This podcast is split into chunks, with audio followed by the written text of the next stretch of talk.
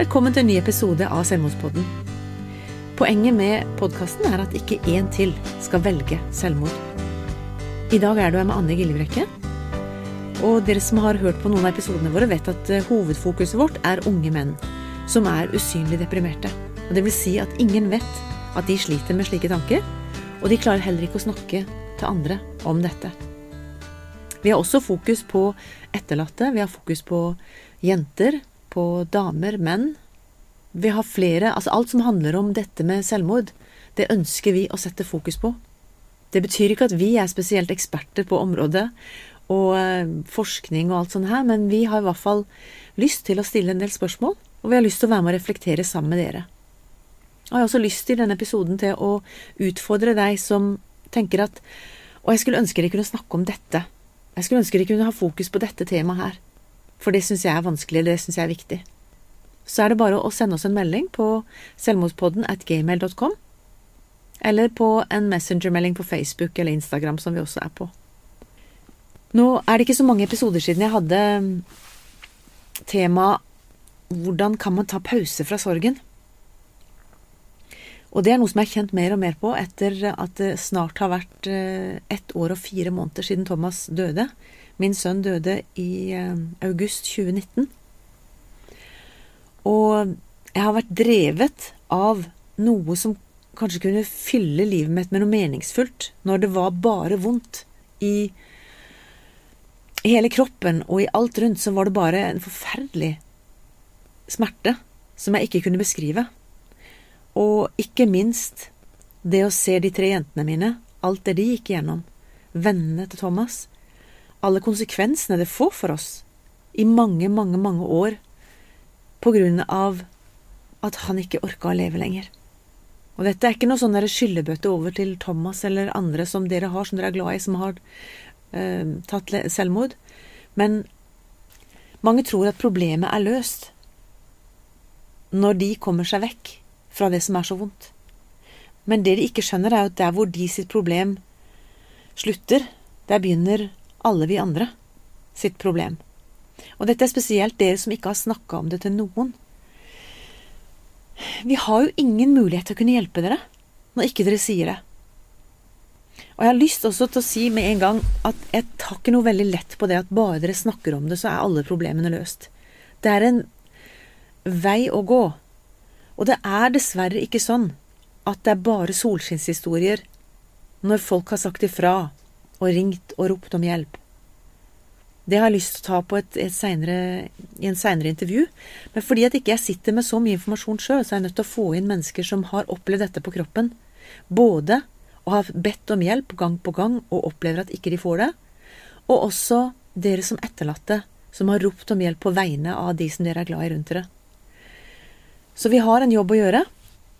Men det jeg har tenkt på mange ganger etter, etter Thomas, da, som aldri syntes det var noe greit å snakke så veldig mye om sine egne følelser, men han var veldig god til å la andre snakke med seg, har jeg skjønt i etterkant spesielt. Han var jo Jeg har jo aldri tenkt at han var noe uh, lite utadvendt. Han var en veldig utadvendt og glad gutt.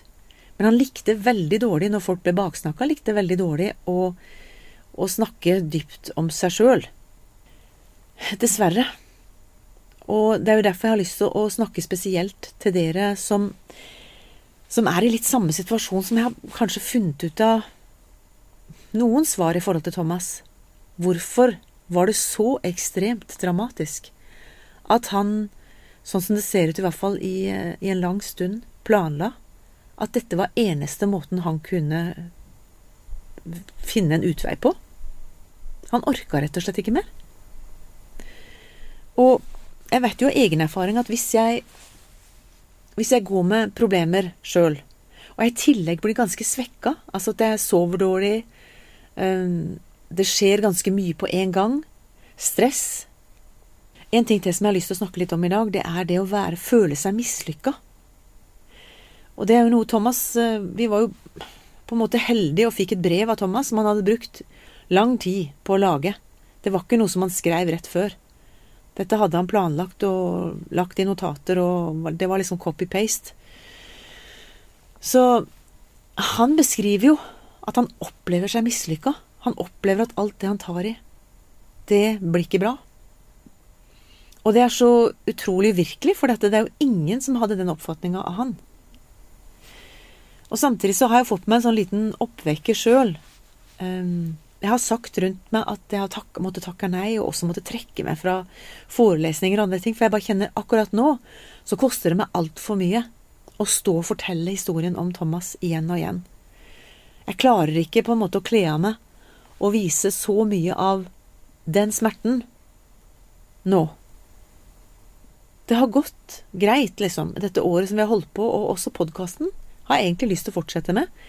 Fordi at jeg har ikke fått svar på halvparten av de spørsmålene jeg har. Sikkert enda flere som dukker opp underveis. Men, men jeg kjente at jeg kan ikke gå på kompromiss med meg sjøl. Når det koster meg så mye å forberede meg til å skulle ha et foredrag eller en, et intervju, at jeg går helt i bakken, liksom, så kan ikke jeg forsvare det. I hvert fall ikke når jeg er i full jobb og jeg skal være mamma for mine tre barn og fem barnebarn. og liksom, jeg skal Ja, og jeg ønsker også å ta tilbake noe av gleden i livet. Og noen vil si Anne, det er altfor tidlig. Men er det egentlig noen oppskrift på hvor lang tid det skal ta, da? Men jeg skal si til dere som jeg har fått noen tilbakemeldinger nå om at oi, har dere slutta med, med podkasten, liksom? Dere har jo ikke hatt post på halvannen uke nå. Og så tenker jeg, guri, det er jo faktisk en del som sitter og hører på denne podkasten, da. Men så har jeg lyst Altså, jeg er jo litt sånn Jeg er jo ikke noe sånn prestasjonsfrik, på en måte. Men jeg liker jo å tenke at det er innhold som er rikt for dere å høre på. At ikke jeg bare sitter og vi må ha en podkast, jeg bare sitter og, og jatter med. For det tenker jeg at det er, ikke, det er ikke bra. Det skal være bra innhold. Samtidig så tenker jeg at eh, jeg er jo ekspert på ett område, og det er det at jeg har mista en sønn i selvmord. Og da blir jeg på en måte en sånn erfaringskonsulent, da, som, som har erfaring på dette, som kan være bra for andre å høre på. Og så har jeg et ganske stort morshjerte også. Jeg kjenner jo bare når jeg ser disse kompisene til Thomas, heldigvis, at de kommer på besøk ennå, og jeg får lov å dulle litt med de, at jeg har veldig kjærlighet for gutter spesielt, som er på Thomas sin alder. Akkurat som Jeg kan jo ikke hjelpe han, for han er ikke her.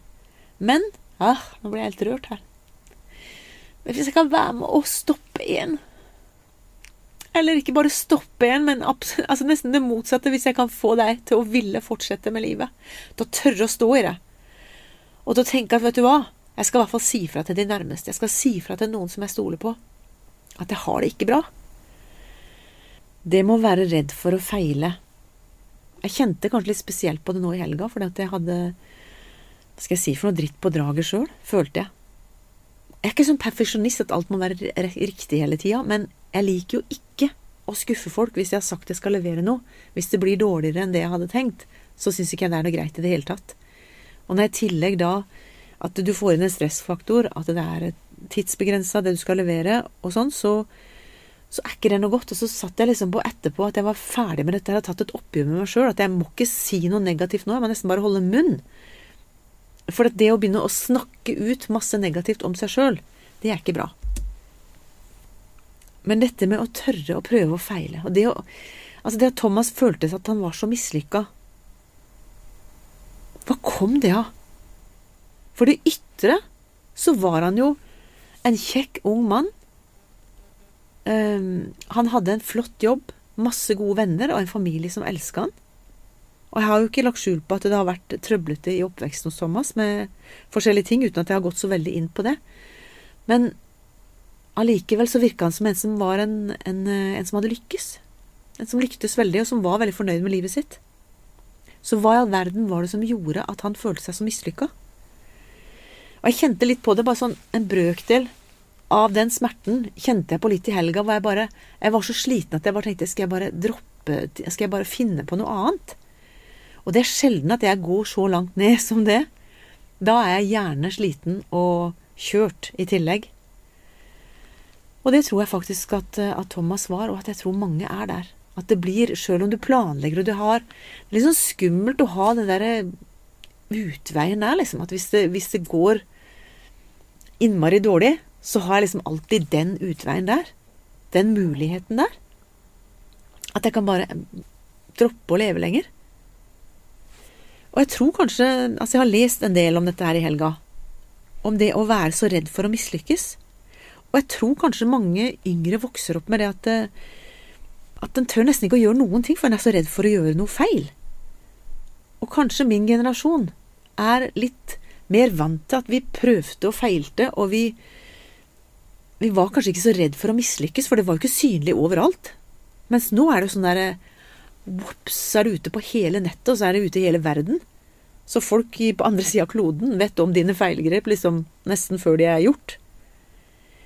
Og det er jo det der med at altså redselen for å mislykkes, hvis den blir så stor at ikke du kan leve livet ditt fullt ut, det er ganske kjipt. Og jeg er jo en gründer, som mange av dere har forstått. Jeg driver med TV, og jeg holder på med masse forskjellige podkaster og hjelper selskaper å komme på sosiale medier, og driver flere lokale TV-stasjoner på sosiale medier. Og nå har vi jo snakka lenge om at vi skal liksom Vi skal ut der, og jeg gleder meg jo til å kunne la stafettpinnen gå videre til andre som kan drive det, og andre som kan være mer foran kamera enn det jeg er. Jeg elsker å se folk lykkes, ikke sant? Men alt dette her har jo fått en veldig annerledes vei ut. Og du kan godt si åh, ble det helt mislykka, da? Alt det du sa i 2019, liksom, at nå braker det løs. Og så kommer livet, eller for oss da, døden, og endrer på en måte alt. Og det, altså det rare er jo det der med, med make lemons Nei, eller make lemonade out of lemons. Altså det å gjøre noe ut av en situasjon som er vanskelig.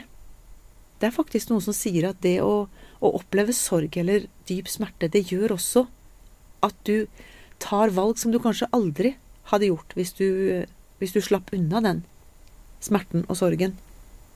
Livet blir aldri det samme. Det blir Verdiene blir helt annerledes. Og vi som jobba med, med, TV, og TV Lillesand og TV Grimstad, TV Arendal Ja, vi driver med masse forskjellige greier, da. Men i hvert fall, vi måtte jo tenke helt nytt. For plutselig så kom jo både korona og dette her Thomas sitt dødsfall på en gang hos oss. Så jeg begynte jo heldigvis hadde mulighet til å kunne streame for eh, et begravelsesbyrå. Å streame begravelse Jeg som hadde tenkt at jeg aldri, aldri skal gå i en begravelse mer. Det var liksom Det orka jeg ikke. Så blei det å snu det helt rundt og si det gir jo mening å skulle gjøre en god jobb. Sånn at tenk hvis, jeg hadde, tenk hvis jeg hadde vært sjuk eller vært i, i, utlandet og ikke kunne komme i min egen sønns begravelse. Jeg vet ikke om noen av dere så den der livesendinga som vi la ut på Selvmordspodden. Der hvor en som heter Sondre Risholm Livrød Han er psykolog, han driver noe som heter Webpsykologen. Og jeg har spurt han om jeg kan intervjue han litt seinere.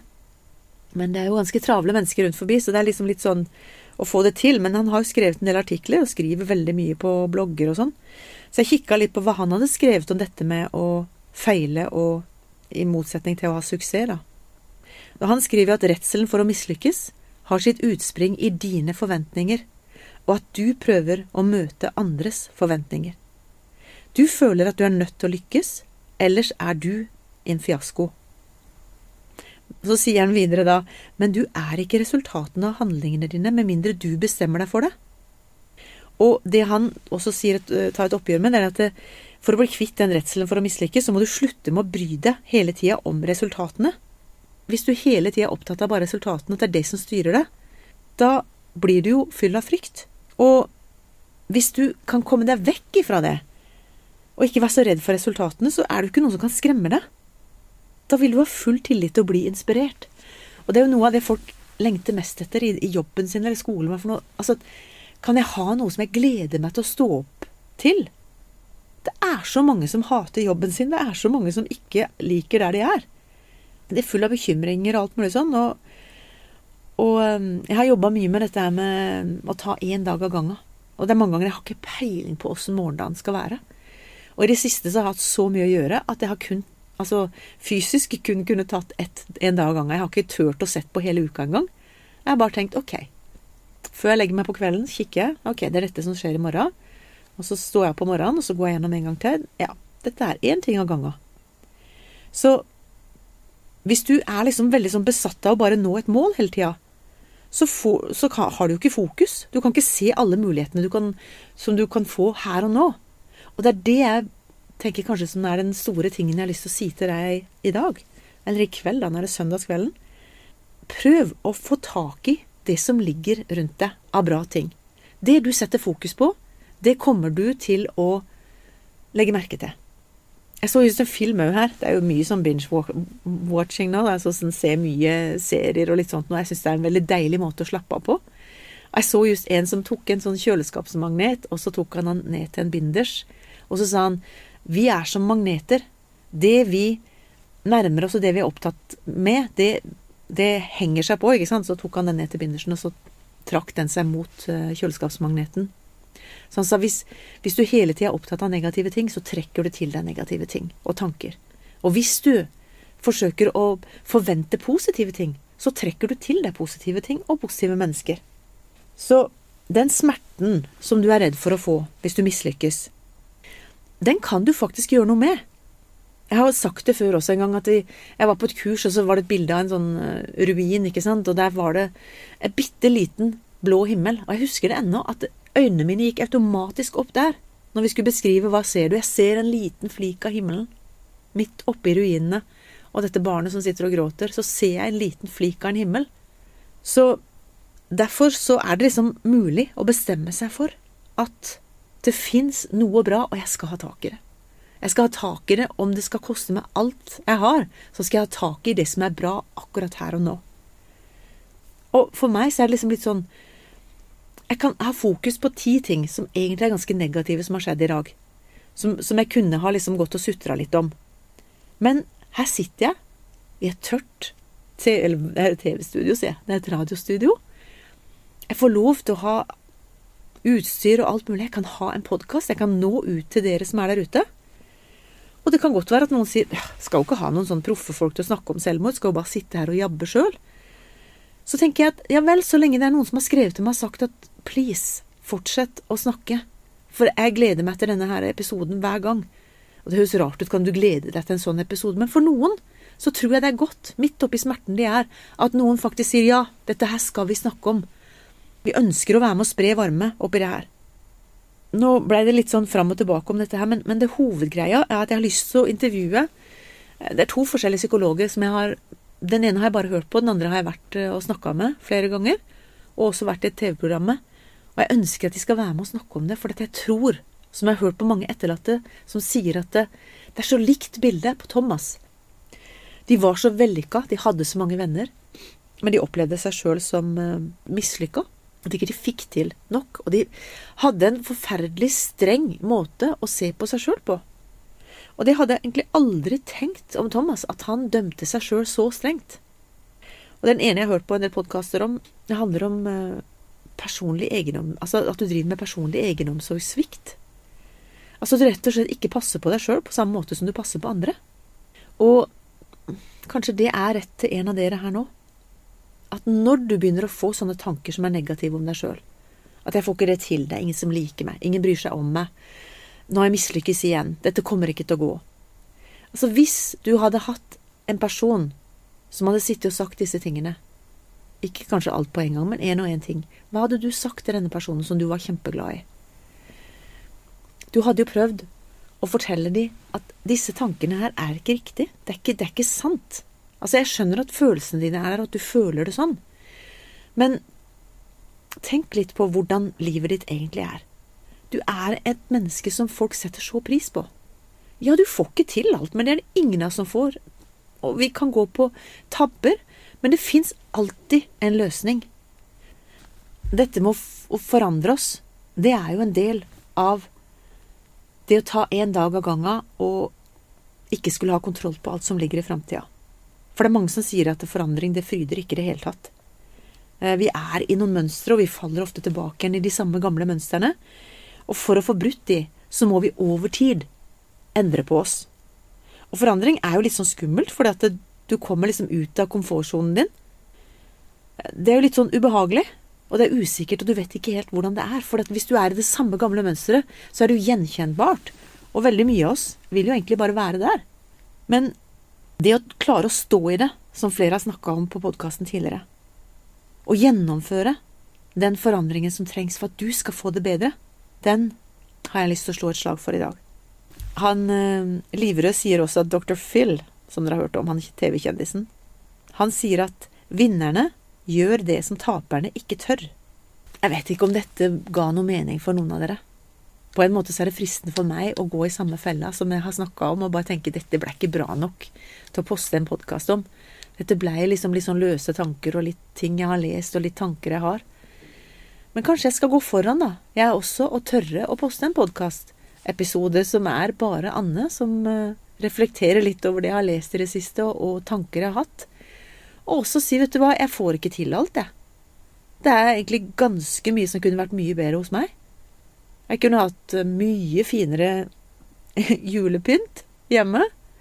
Jeg ser jo på Instagram og sånn, og jeg sitter og flirer, for at jeg fikk kjøpt noen svibler, men jeg fikk ikke liksom pynta det, og nå er de sviblene eh, visna. Så det blir ikke noe Instagram-bilde på meg. Og eh, jeg er ikke Altså, det er mange ting som ikke er så veldig flink til. Og også denne podkasten, ikke sant. Jeg burde vært mye mer strukturert og hatt liksom Ja, hatt, fått med meg noen i podkasten, gjort mye mer Ser du hvor lett det er å sitte og disse seg sjøl? Men jeg tror jeg kan si at jeg gjør så godt jeg kan nå. Og samtidig så er jeg nødt til å ta hensyn til Anne, som skal få lov til å slappe av og kose seg litt i helgene. Og også i løpet av uka at jeg jobber med ting som gir meg glede. At jeg er med mennesker som gir meg bra eh, energi. Og som jeg også har noe å gi til. Så det er liksom ikke bare det å skulle for enhver pris være så himla vellykka. Jeg har sagt det før at jeg er glad. Når jeg skilte meg for alle de år tilbake, så var jeg egentlig veldig sånn der Det var så deilig å miste fasaden. Det var så deilig jeg ikke skulle være flink pike lenger. Det at jeg mislykkes, og det er mange ting ikke jeg får til, og jeg klarer ikke å følge opp alt jeg har lyst til å følge opp, men jeg får til ganske mye. Og det tror jeg faktisk, hvis du òg tenker deg litt om, så er det alltid noe du kan være med og bidra med. Og det gir, det gir veldig mye å være med og tenne lyset hos noen andre. Så sjøl om det har vært mørkt hos meg i lange perioder, og det har vært kjempetøft å komme seg videre eller gjennom eller Altså, bare ta en dag av gangen har vært tøft etter at Thomas døde. Samtidig er det en så stor del av meg som får glede av å se at andre mennesker får det bedre. Om det er den vanlige jobben min, om det er podkasten, om det er de andre prosjekter som jeg holder på med, så, så er jeg trigga av at jeg ønsker å være med å gjøre en forskjell. Både i mitt eget liv og i andre menneskers liv. Og da blir det litt sånn ok, da, da får det gjøre litt vondt. Da får det være litt at det koster meg litt. For jeg må jo forandre meg. Og jeg elsker også å lære noe nytt. Jeg tenker liksom oi, nå lærte jeg noe nytt i dag. Og også i møte med mennesker. Jeg dummer meg ut. Jeg kan være ja. Jeg er absolutt ikke fullkommen, så hvis jeg kan tørre å sitte her og fortelle deg om disse tingene her, og si at jeg mislykkes med noe hver dag, men jeg reiser meg opp, rister av meg, prøver å le litt av ting, og le litt av meg sjøl når jeg blir for stressa eller dømmer meg sjøl eller begynner å si at det her går ikke, nå går jeg bare og jobber på en helt annen jobb. Og så vet jeg jo at det er jo ikke det jeg har lyst til. Jeg har faktisk lyst til å fortsette med dette. Så én dag av gangen. Og det å klare å stå i det. Og det tredje er det at jeg har gode mennesker rundt meg. Jeg har en familie som jeg elsker meg, og som er glad i meg. Jeg har venner rundt meg som er gode venner. Og jeg har også en jobb jeg elsker å holde på med. Så jeg er kjempeheldig. Og jeg tenker at jeg har bare lyst til å gi deg en hilsen helt til slutt. Du som eh, sitter der og kanskje har det beintøft på en eller annen måte. Jeg har ikke lyst til at det skal virke platt heller å si at det fins en meg, men jeg har faktisk lov til å si det. At om ikke du ser hvordan morgendagen skal se ut, så lov meg at du gir deg sjøl en sjanse til å åpne opp for noen og si dette her sliter jeg med, vet du noen som kan hjelpe? Det er masse hjelp å få, men jeg vet at det er vanskelig å få tak i det. Jeg vet også at det fins veldig mange varme mennesker rundt forbi som har vært gjennom mye av det samme som du har, og som er villig til å være med og gå en vei sammen med deg. Om det er fagfolk, om det er erfaringskonsulenter eller hvem det er, så kan jeg bare si av egen erfaring det var ikke så lett å finne fram for meg. Og jeg vet at for mange av dere så sliter dere med å Hvis jeg sier dette til noen, hvordan jeg egentlig har det, så kommer de ikke til å være glad i meg lenger. Eller jeg, jeg klarer liksom ikke å gjøre det. Men min greie, og det har jeg snakka med dere om før, at når jeg mista Thomas Jeg vet ikke om jeg hadde noen spesiell posisjon, da, men jeg hadde jo vært senterleder, jeg hadde liksom stått fram med masse greier, og liksom Ja, medier og alt mulig sånn her. Men etterpå, når jeg plutselig var mora til han som tok livet sitt, så tenkte jeg Guri land, så mye ekte mennesker jeg har møtt i etterkant. Altså Mennesker som jeg trodde var på en måte, de er helt annerledes, og de møter meg på en annen måte. Og Det som jeg kanskje var redd for at nå, nå blir jeg jo der selvmordsdama når jeg holder på med det her eh, selvmordspodden og skriver bok, ikke sant. Hvem er det som vil være sammen med deg med et sånt tøft tema? Så tenkte jeg Min erfaring er i hvert fall at når du tør å være deg sjøl, og du tør å være åpen, og by på deg sjøl, og ikke gå i hi, eller i verste fall si at nå vil ikke jeg være her lenger. Når du tør det, så vil du møte mennesker som vil gi deg varmen tilbake og troa på at dette livet kan være bra. Det har i hvert fall vært sånn for meg at jeg gleder meg til kvelden eller gleder meg til i morgen. Og jeg ønsker å være her så lenge jeg har noe å bidra med. Jeg tenker at jeg skal bli ganske gammel, og det har jeg sagt til mine barn har, at jeg skal være her lenge. Og jeg skal prøve å fylle hver dag med noe meningsfylt. Så det var de tankene jeg hadde her, og så håper jeg inderlig at du får en god søndagskveld, og at du øh, finner noen som du kan være med og spre glede for, og ikke minst at du begynner å snakke bra til deg sjøl og om deg sjøl, fordi du er kjempeverdifull, og det er faktisk en mening med at du er akkurat her, at du er akkurat du. Så takk for nå, for denne episoden, og så ønsker jeg deg en veldig god uke i den mørke Norge, som snart sola snur og blir lysere. Må du ha en veldig god uke. Helt til slutt har jeg lyst til å fortelle hvor du kan få hjelp. Kirkens SOS er en døgnåpen krisetelefon. Det samme er Mental Helse. Leve, Landsforeningen for etterlatte ved selvmord. Legevakten 116 117. Kors på halsen, Røde Kors sitt tilbud. Det er en samtaletelefon for barn og unge under 18 år. Og så er det tilbudet som heter Snakk litt, mellom Helsesista, Kirkens SOS og Nyby. Helt til slutt har jeg bare lyst til å takke deg for at du har vært med på denne episoden, og ønsker deg alt godt videre.